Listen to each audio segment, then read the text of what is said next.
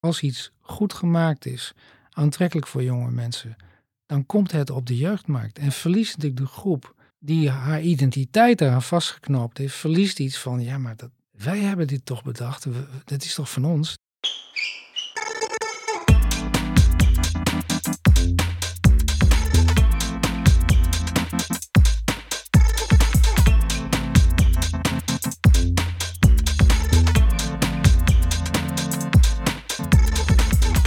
Welkom bij Sneak Ears, de podcast over de tentoonstelling Sneakers Unboxed. Nu te zien in Design Museum Den Bosch.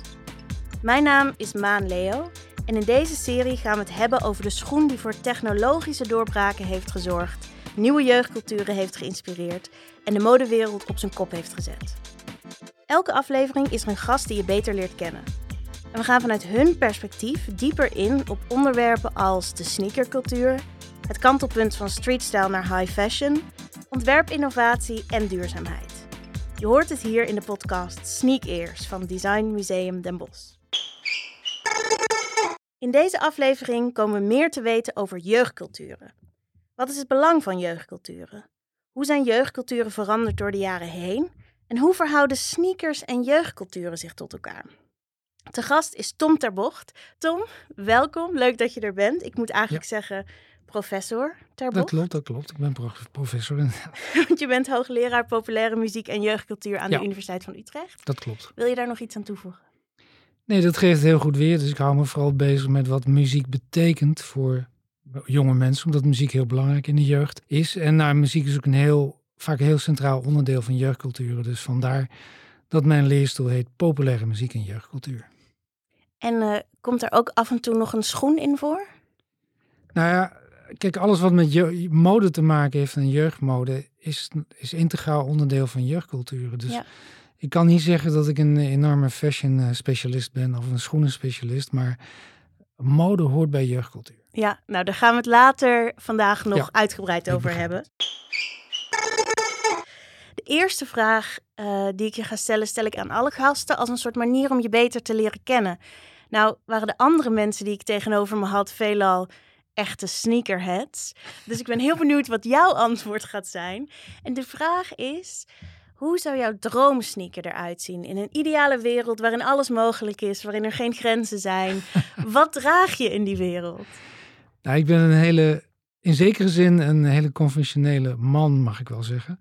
Ik vind als iets goed is, dan moet je dat eindeloos blijven herhalen.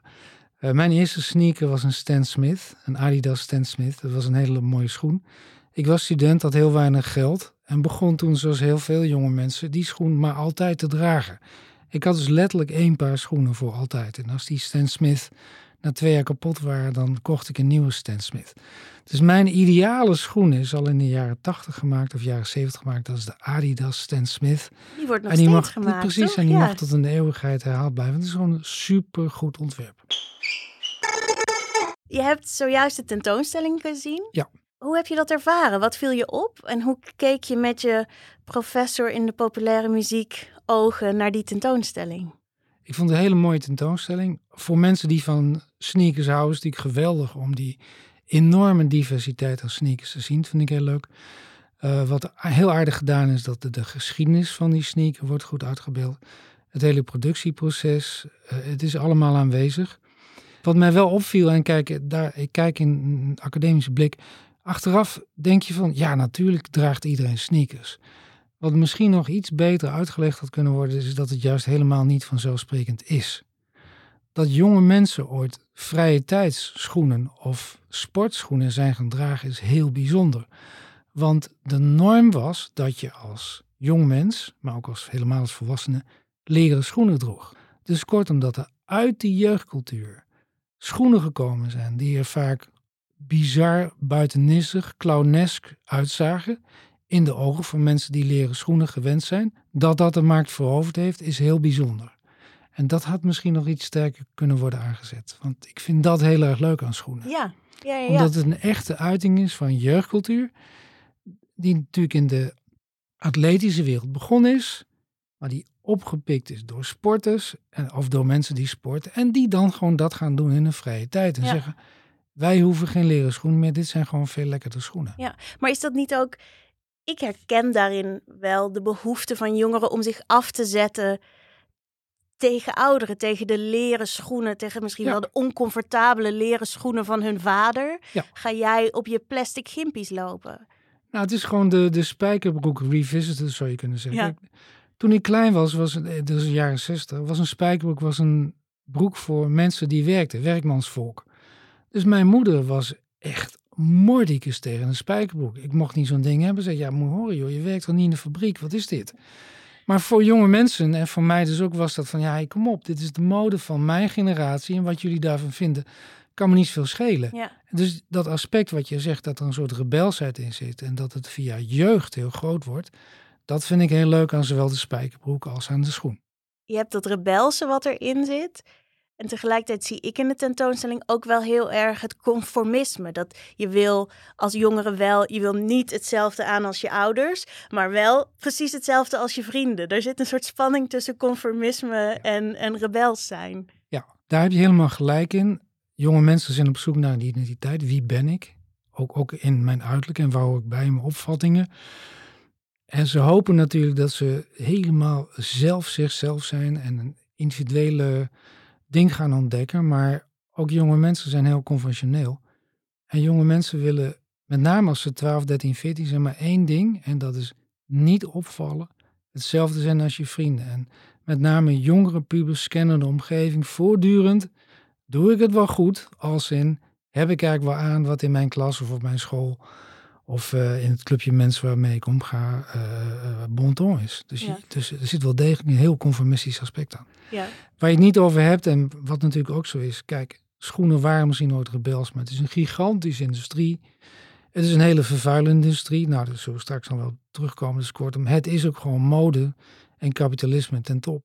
Ja, en het is dus mainstream geworden. Hè? Want Ja. dat is, als je het hebt over een sneaker die eerst wordt gedragen uh, door echt alleen door sporters. En die ook Ja. echt alleen gemaakt worden door sporters. Nou, nu, je ziet in dat tweede deel van de tentoonstelling, zie je eigenlijk wat is begonnen als een jeugdcultuur, als een manier om je af te zetten, Ja. wordt een mega-industrie.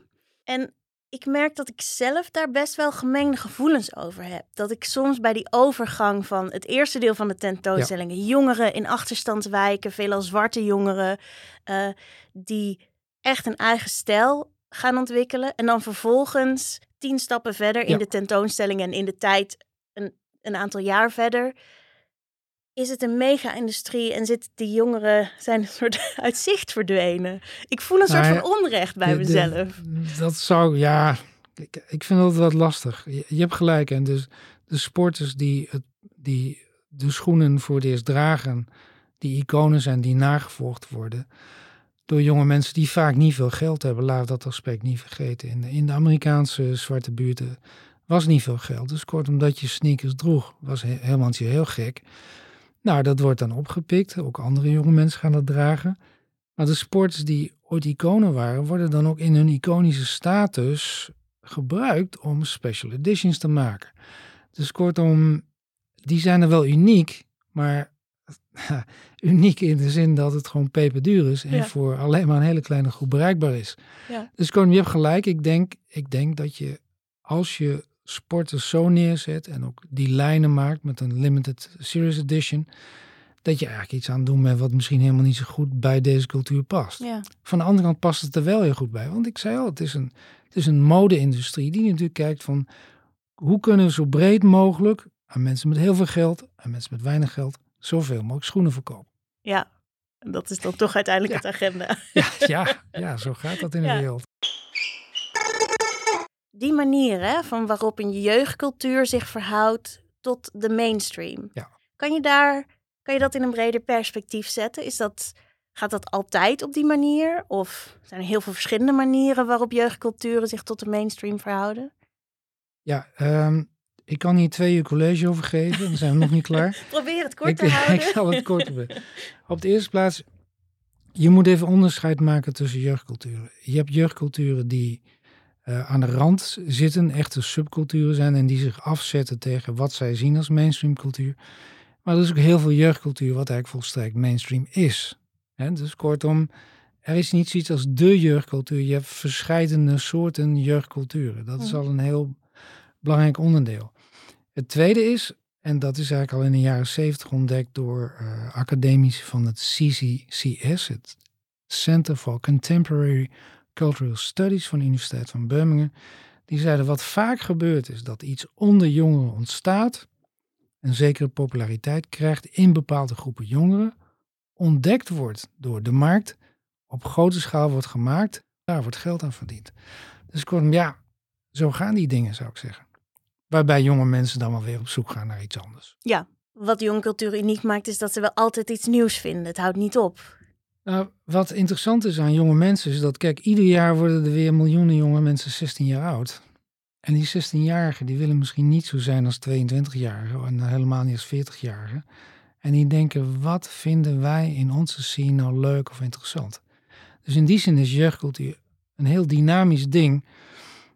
Ik had wel eens ooit het grote boek over jeugdculturen willen schrijven, maar dat ga ik helemaal niet doen, omdat het voortdurend, voortdurend verandert. Dus, Ja. dus ik vind het een mooie metafoor van een collega die zei, het is als het ware het bestuderen van sneeuw in een, in een lawine. Ja. Kortom, je weet, je weet niet waar je bezig bent, het beweegt voortdurend. Ja.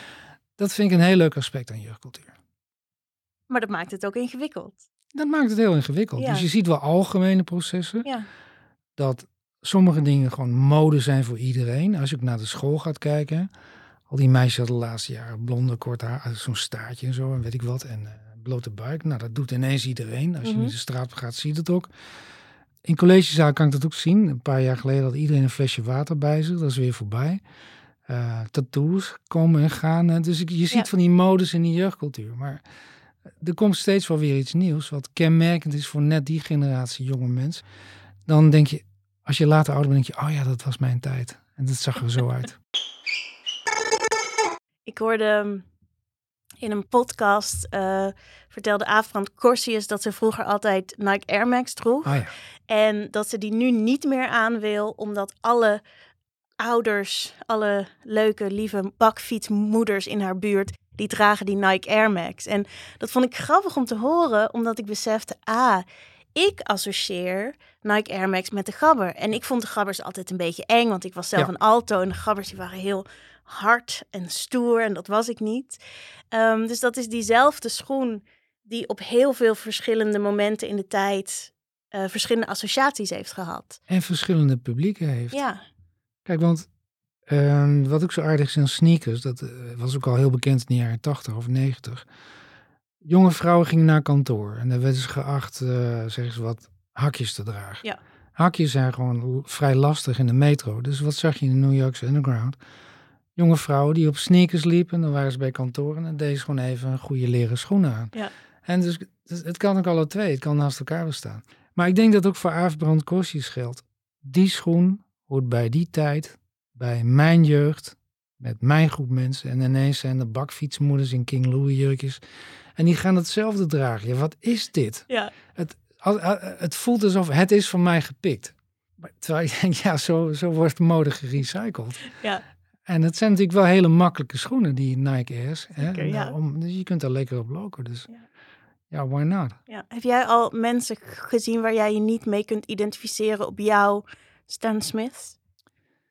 Nee, ik vind het gewoon heel leuk dat die dingen er nog steeds zijn. Ja. Dus ik krijg er eigenlijk hele goede zin van. Omdat, wat ik zei, in zekere zin ben ik heel conventioneel. Van mij mogen ze honderd paar schoenen maken. Die kan iedereen een schoen kiezen.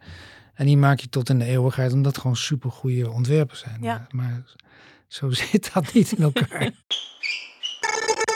Hey, we hadden het zojuist over ehm, de jongeren in de jaren 50 en 60, Ja. eh, hoe zij zich verhouden tot hun ouders. Tegelijkertijd zie je nu dat de manier waarop jongere culturen zich ontwikkelen, dat dat misschien op een andere manier gaat. Dat we door sociale media, dat trends veel sneller komen en gaan. Ehm, zie je hoe de ontwikkeling van jeugdculturen veranderd is? nou, we kunnen wel een paar vrij essentiële dingen eh, noemen. Eh, in, de, in de jaren 60 en 70 hadden jonge mensen over het algemeen een hekel aan hun ouders. Misschien niet persoonlijk, omdat het nare mensen waren, maar je ouders stonden soort voor een cultuur van, dan dacht je van, nou, dit is toch afgelopen, dit is ouderwets en dit is vervelend en autoritair, dat moet allemaal anders. Wat je nu ziet is dat jonge mensen jeugdcultuur niet meer gebruiken om zich af te zetten tegen ouders. Waarom? Omdat in de meeste gevallen zijn die verhoudingen met ouders gewoon eigenlijk heel goed. Dus kortom, jeugdcultuur heeft nog steeds wel de functie. Wij zijn met elkaar. Wij doen iets met elkaar. We zien er zo uit. We denken zo. En daar hoort deze dracht bij.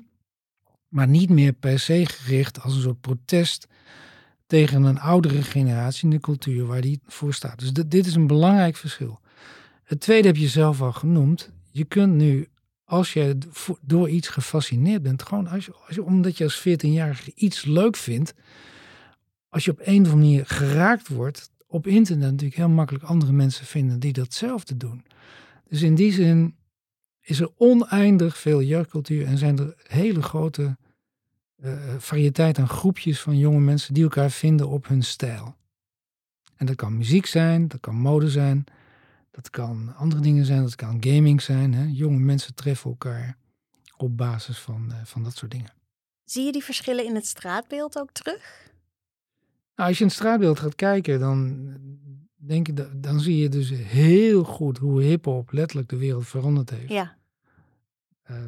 Laat ik het zo zeggen, de spijkerbroek in de jaren 60, 70 heeft de wereld veranderd. De Nederlanders dragen ontzettend veel spijkerbroeken.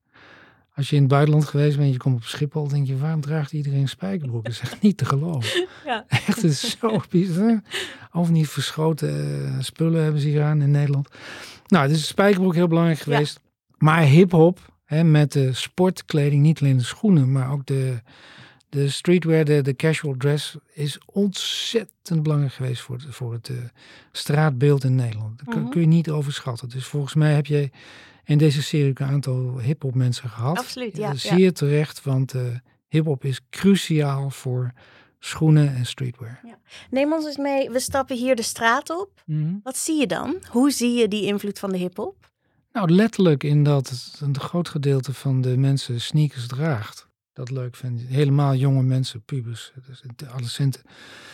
Uh, en je ziet het in petjes. Je ziet het in uh, hoodies en, en in uh, baggy trousers. Ja. Die, die, die toch uit de sportschool komen. Ja. Als je zo iemand ziet, denk je niet, oh, die is op weg naar de sportschool. denk je, nee, die loopt gewoon over straat. Ja. Die gaat winkelen. Ja. En dus dat die casual dress genormaliseerd is, komt echt, echt uit, daardoor. die, uit die enorme populariteit van met name hip-hop. In de aflevering die ging over hip-hop hadden we Tamar Kempees en Yassine Salehin aan tafel zitten. En die waren best wel heel kritisch over die manier waarop mainstream voor iedereen is geworden. Ja. Eh, zij zeiden daardoor zijn we heel veel van de ehm, zijn we heel veel van de geschiedenis van hip-hop, van zwarte cultuur zijn we kwijtgeraakt. Mensen dragen maar sneakers die eigenlijk een hele, ehm, misschien zelfs een maatschappij-kritische achtergrond hebben. En die zie je nu eindeloos vaak gereproduceerd op Ja. allemaal.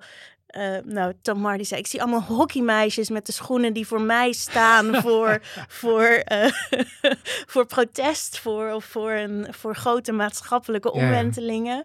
Dus zij waren daar best wel kritisch over. Of zij, zij hadden wel wat eh, kritische noten. Eigenlijk heb ik het antwoord op, op die vraag of, of deze, deze observatie al gegeven. Het Ja. CCCS, dus die groep academici Ja. BEM, zei al, zo zit dat structureel in elkaar. Ja. Als iets goed gemaakt is, aantrekkelijk voor jonge mensen, dan komt het op de jeugdmarkt. En verliest natuurlijk de groep die haar identiteit eraan vastgeknoopt heeft, verliest iets van, ja, maar dat, wij hebben dit toch bedacht, we- dat is toch van ons? Nee, nee, nee, zo gaat dat niet. Dus ja, ja dat, dat heeft een zekere tragiek, maar structureel zit het wel zo in elkaar. Ja, Dat is hoe de wereld werkt. Ja, zeg dat je klopt. Of, ja. of je moet iets gaan doen wat echt zo buitennissig is dat. dat kijk, Goth is in die zin een heel goed voorbeeld. Eh, Goth is echt behoorlijk buitennissig. Ja, ja. En je ziet wel blauw en roze haar in het straatbeeld. Hè, van meisjes die gaan naar eh, Billie Eilish. Billie Eilish. Ja, nou, die, die neemt dat weer op uit Ja. die oude goth en die wordt ontzettend populair.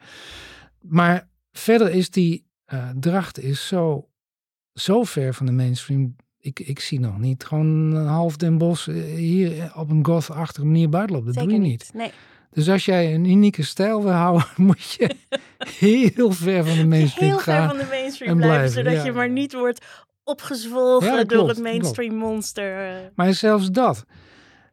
kijk, ik kom, uit, ik kom uit een andere tijd. Vroeger mocht je geen scheuren in je, in, je, in je kleren hebben van je moeder. Dat mocht ik ook niet. Dat was slecht en dat werd gemaakt. Nou, punk eh, was gewoon bekend dat ze scheuren hadden in hun t-shirts en in hun broeken. En, en dat werd met speel aan elkaar gehouden. Ja, dat was, was gewoon wat daarbij hoorde. Nou, dan dacht je ook van, dit is zo extreem, dat zullen we wel nooit krijgen. En nu lopen uh, de helft van die 13-jarige meiden lopen, lopen gewoon met scheuren. Je kan je het is echt niet, het is niet, broeken voorgescheurde de, broeken, ja. Dat is bij toch, de H&M is toch ongelooflijk? Ja, ja.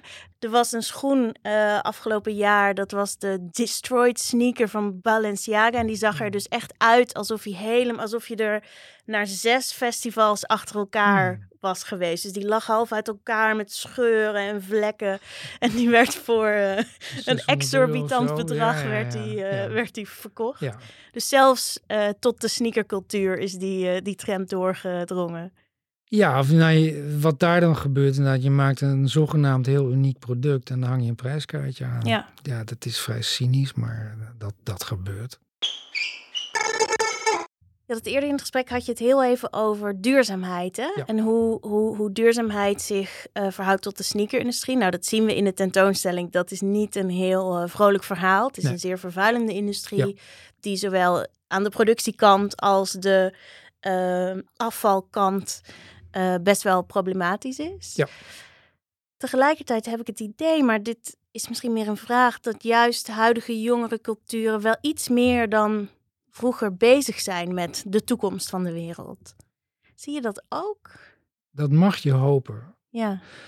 Kijk, uit veel jeugdonderzoek blijkt, en dat is eigenlijk al heel lang, dat één op de zes jongeren is echt politiek gemotiveerd. Die heeft daar belangstelling voor. En politiek en het lot van de dingen in de wereld gaat dit soort jonge mensen aan. Dus je kunt zeggen, er is een substantiële groep jonge mensen voor wie dit geldt. Wat natuurlijk ook heel aardig is, dat sommige jonge mensen, nou Greta is daar een prachtig voorbeeld van. Greta Thunberg, ja, worden icoon omdat ze als jong mens de stem verheffen tegen een oudere cultuur.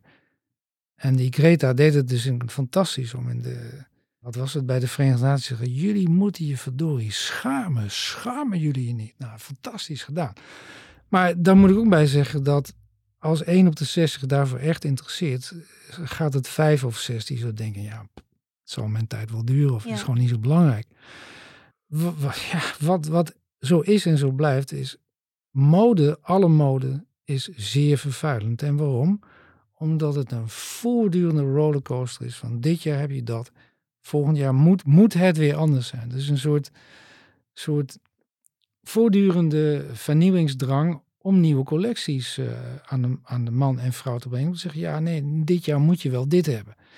Dat is een pervers aspect van de mode-industrie. Ik heb er geen ander woord voor. Ja, en van de sneakerindustrie daarbij. Dus ook, van de sneakerindustrie. Moet ik wel zeggen, als je een paar leren schoenen koopt, dan moet je eerst de koeien wat doodmaken. Of andere beesten, of krokodillen of zo. Uh, dan moet je dat leer looien, dat wat vervuilend is. Je hebt 8000 liter water nodig voor zo'n stukje leer. Dus kortom, het oude alternatief is niet goed. Maar wat ik wel verwacht van zo'n sneakerindustrie, het is een high-tech industrie. Ja, zet nou massief in op betere middelen. En die zijn er ook al wel. Die zijn er, er, is vegan leer. Je kunt natuurlijk kunststoffen proberen te maken die wel afbreken. Want dat is natuurlijk het grote probleem. Het overgrote deel van al die sneakers belandt gewoon op een afvalberg. Nou, wat moet je dan? Die, die laden in zitten, tientallen jaar. Of je verbrandt ze. Dat zijn geen goede opties. Nou, ik zag in de tentoonstelling dat er 1,2 miljard paren per jaar verkocht worden. Ja, dan heb je dus over, en als die dingen over drie of zes jaar uit zijn, misschien al veel eerder, heb je het over een eerder, ja. fabelachtige afvalberg. En dat moeten wij gewoon niet willen. Dus die industrie moet verduurzamen. Ja. Nou, er is nog wel een verschil tussen de oude leren schoenen van de vaders van vroeger hm. en de sneakers. En daar hadden we het in de eerste aflevering over met Peterson Stoop. Zij vertelde dat je een sneaker ook bijna niet kunt repareren. Dus dat je oude leren schoen, daarmee kon je naar de schoen maken en dan kon je een nieuwe zool onder laten zetten, die, het leer opnieuw laten. Uh, nou, daar kon je van alles mee doen. Ja. Terwijl een sneaker, ja, nou, dat vind ik een hele goede opmerking. Ik vind, uh, dat klopt ook. Uh, dat is heel raar nu, nu ik ouder word. Voor alle mensen die luisteren, ik ben al boven de 60. Ik heb zes of zeven paar leren schoenen en ik koop nooit meer nieuwe. Waarom? Dat zijn mooie schoenen. En als je zes of zeven paar hebt, ja, dat verslijt je never. Omdat je naar een schoenmaker gaat en die maakt het weer eens nieuw. Dus ik vind dat wel een mooi model. En, en ik hecht daar ook aan, omdat ik denk van...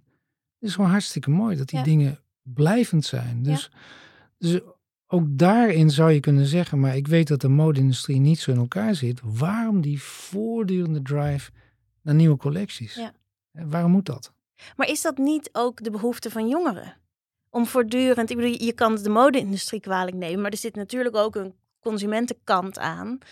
Is dat niet ook de aard van jongerencultuur dat er telkens weer iets nieuws moet komen?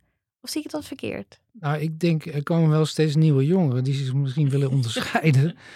maar ik denk dat als je één keer een bepaalde identiteit hebt, je het ik helemaal niet zo erg vindt om die identiteit vast te houden. Ik weet, ik weet te weinig van mode om hier zeker van te zijn. Maar laat ik het zo zeggen. Als je het over muziek hebt, de muziek die je tussen je 16 en je 24 hoort, blijft de rest van je leven bij je. En jouw muzieksmaak, ook als je die later verder doorontwikkelt, die ontwikkelt zich op wat toen is aangelegd. Ik durf te wedden, maar nogmaals, ik ben geen specialist, dat als het over mode gaat, ietszelfde in zijn plek is. Ja. Dat betekent dat je als 24-jarige jonge man of jonge vrouw wel aardig weet wat bij jou past. En dat je eigenlijk mode blijft kopen in die, in die stijl. En dat Ja. er soms jaren zijn dat je denkt, ja, voor mij zit er helemaal niks bij dit jaar. Waarom? Ja, de verkeerde kleur, de verkeerde snit, de verkeerde lengte, dit of dat. Dus kortom, ik denk toch wel dat die mode-industrie zelf die voortdurende drang naar vernieuwing eh, instigeert. En Ja. mensen gaan daarin mee. Ik wil niet zeggen dat, dat het de kwaaie pieren zijn of de enige kwaaie pieren zijn, maar het is een industrie die bouwt op verandering. Ja. Terwijl ik denk, er zijn heel veel mensen die helemaal niet zo nodig meer verandering willen. Die willen gewoon een goed ontwerp. Ik denk aan de manier waarop een sneaker vroeger iets, echt iets was dat jongeren droeg, maar waarmee je absoluut niet op kantoor Klopt. gezien Ja. kon worden. En misschien kan je wel die link leggen tussen het idee dat de muziek die je luistert tussen je 16e en je 24e, Ja, zei zoiets. je, Ja. eh, dat dat de muziek is die je bijblijft, dat ook de schoenen die je in die tijd Ja. draagt, die bijblijven. En dat ook de reden is waarom je nu op kantoren en zelfs in de Tweede Kamer die sneakers ziet. Eh, dat dat de mensen zijn die inderdaad op hun zestiende hun eerste paar Nike Air Max kochten. En daar, nou ja, daar geen afstand meer van Ja. doen. En dat zou heel goed kunnen. Ja. Dus dat, is gewoon, dat was een toffe schoen, dat weet je uit die tijd. Ja, Dat was geweldige muziek, dat weet je uit die tijd. ja. Dat hoef je niet meer uit te leggen. Waren er nog thema's uit de tentoonstelling waarvan je zei, daar zie ik een link met het academische werk dat je doet? Nou, wat ik sowieso ontzettend leuk vind aan deze tentoonstelling is dat heel, heel duidelijk die link gelegd wordt met jeugdcultuur. En wat, wat ik heel grappig vond, waren die dingen van Run DMC. Ja. Een van de allergrootste hip-hop bands uit de eerste generatie hip-hop. Die dan inderdaad van die Adidas eh, schoenen een, een trademark maakte. En zeiden: van, Dit is een essentieel onder- onderdeel van hoe wij eruit zien. En dat ze Adidas in Duitsland niet eens snapte waarom ze ineens zoveel verkocht in Noord-Amerika. Ik vond dat ontzettend geestig, want daar zie je nog een enorme naïviteit. Dat ze waarschijnlijk pas later gedacht hebben. Waarom nemen die jongens niet onder contract? Dan kunnen ze reclame voor ons We maken. hebben weer Dat goud in handen. Dat doen ze trouwens toch al. Ja, Dus ik vind die, ik vind die link tussen schoenen en jeugdcultuur, eh, mijn onderwerp, vind, Mhm. ik, vind ik wel heel erg mooi in deze tentoonstelling Ja. zitten. Gabber natuurlijk ook, dat la- terecht laat u dat ook eh, mooi zien. En Ja. dat die, eh, de, de Australian suits en de trainen- Trainingspakken. trainingspakken en, en natuurlijk de Nike Air Max, die geweldig waren om de hele nacht eh, op pillen rond, te- rond te stampen. ja, dat is leuk. Ook mooi in beeld gebracht. want dat is wel, dat is een echte Nederlandse subcultuur. Daar was ik me niet echt van bewust voordat wij aan deze tentoonstelling begonnen. Voor mij is, ik ben geboren in 1986, dus in mijn tienerjaren bestond Gabber heel erg. Ja. En ik heb dat altijd gewoon als een soort universele trend Nee. gezien. Dat is dus niet zo, hè? Nee, de gabber is inderdaad, en dat wordt in deze tentoonstelling wel, mooi uitgelegd, ook aan de hand van Parkzicht in Rotterdam. Het was een echte Nederlandse jeugdcultuur, eh, waarbij je echt moet zeggen dat het een jeugdcultuur was voor jonge mensen uit de beroepsopleidingen. En in die zin is het ook niet gek dat het in Rotterdam het beste voet aan de grond kreeg. Het was niet highbrow, het was niet designachtig. Het was niet van, eh, wij van de kunstacademie zien zo tof uit. Het was gewoon echt, wij zijn jongens en meisjes van de gestampte pot. We hebben een hele hoop lol met elkaar en we dragen kleren gewoon. Wat maakt het ons uit die makkelijk zitten en waar je gewoon de hele nacht op kunt dansen. Ja. En dat wordt dan een soort uniform, omdat iedereen hetzelfde gaat doen. Maar je hebt gelijk, Gabber was een door en door Nederlandse jeugdsubcultuur. Terwijl de ingrediënten die je beschrijft, een, een arbeidersklasse, een havenstad, Ja. jongens en meisjes die lol willen met elkaar. Nou, die weet ik ook wel in Engeland of in Frankrijk of in Duitsland of in België te vinden. Die ingrediënten, die zijn overal. Maar De, de rock and roll is zo ontstaan ja, in de Amerikaanse steden. Eh, de Beatles en de Stones en de Kings en de Pretty Things zijn zo ontstaan in de Engelse steden. Je hebt helemaal gelijk. Maar wat dan toch zo aardig is aan jeugdsubculturen, dat je lokale varianten hebt. Ja. En vanuit jouw perspectief als een Nederlandse tiener in je leven, denk je dat zal wel overal zijn. Maar dat Ja. was niet zo. nee. Het was Nederlands. Nederlands is trouwens wel heel belangrijk gebleven in dansen. hè. Vergeet dat niet. Ja. Dus de, als je het hebt over het belang van Nederlandse popmuziek, moet je eigenlijk zeggen, eh, laat alles maar weg. Het gaat over dance. Wanneer begint dat dan? In welke Ja, jaren welke- 90. jaren 90 begint, worden we eindelijk een beetje relevant in Nederland. eh. Ja, nou ja, kijk, als je rock maakt, dan is het altijd een kopie van Engelse en Amerikaanse voorbeelden. Ja. Maar die, die, die electronic dance music, EDM, was nieuw. Ook, ook dat kwam wel uit Amerika, of Ja. het populair. Maar wacht even, Kraftwerk, Duitse band, was natuurlijk super belangrijk voor het maken van gecomputeriseerde muziek. En als je daar een drumcomputer achter zet, ja, dan heb je ineens dance. En je hoefde niet hele ingewikkelde Engelse lyrics te hebben. Dus eigenlijk was dit heel geschikt voor Nederlandse, Nederlandse discjockeys en eh, producers om daar iets van te gaan maken. Dat was een nieuw veld waarin lyrics niet zo heel belangrijk waren. Dus je hoefde geen liedjes te schrijven als in de rest van de popmuziek. Ik denk dat daar wel een van de redenen is, waar, een van de redenen waarom eh, dance in Nederland zo groot Ja. is. We gaan langzaam naar het einde van de podcast toe. Maar ik heb nog een laatste vraag. Hoe, hoe zie jij de toekomst van jeugdculturen? Denk je dat we weer teruggaan naar, naar die hele helder gedefinieerde alto's, gabbers, skaters? Of worden we juist steeds fijnmaziger in de clubs waar we bij horen? Hoe zie je de toekomst? Nou, een paar dingen.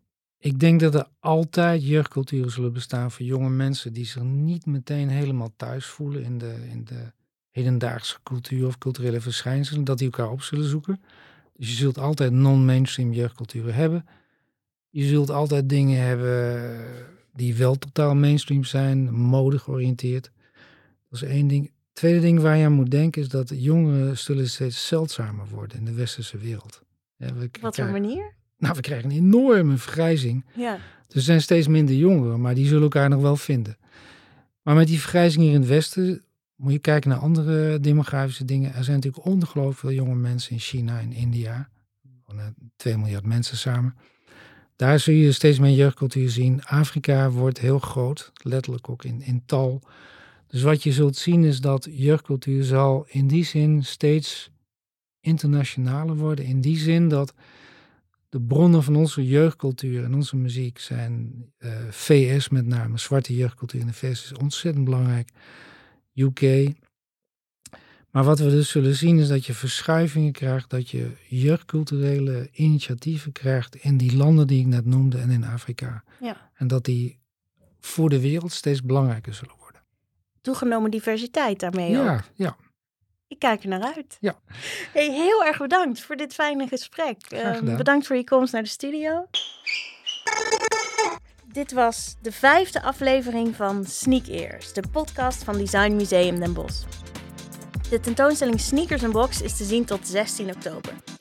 Wil je meer van onze podcast horen? Abonneer je dan in Apple of op Spotify. Wil je meer weten over de tentoonstelling? Neem dan eens een kijkje op de derde verdieping het online platform waar we de thema's van onze tentoonstellingen nog verder uitdiepen. Je vindt de derde verdieping op designmuseum.nl. Mijn grote dank gaat uit naar Judith Meinders en Sander Bergwerf van Outcast. Onze soundtrack werd gemaakt door Jelle Meeuwsen van We Hear You. En de productie van deze podcast wordt verzorgd door Jente van den Wijngaard. De tentoonstelling Sneakers Unboxed is een samenwerking met het Design Museum in Londen en wordt mede mogelijk gemaakt door StockX en het Prins Bernhard Cultuurfonds Noord-Brabant, Fonds 21 en het Mondriaan Fonds. Tot de volgende aflevering.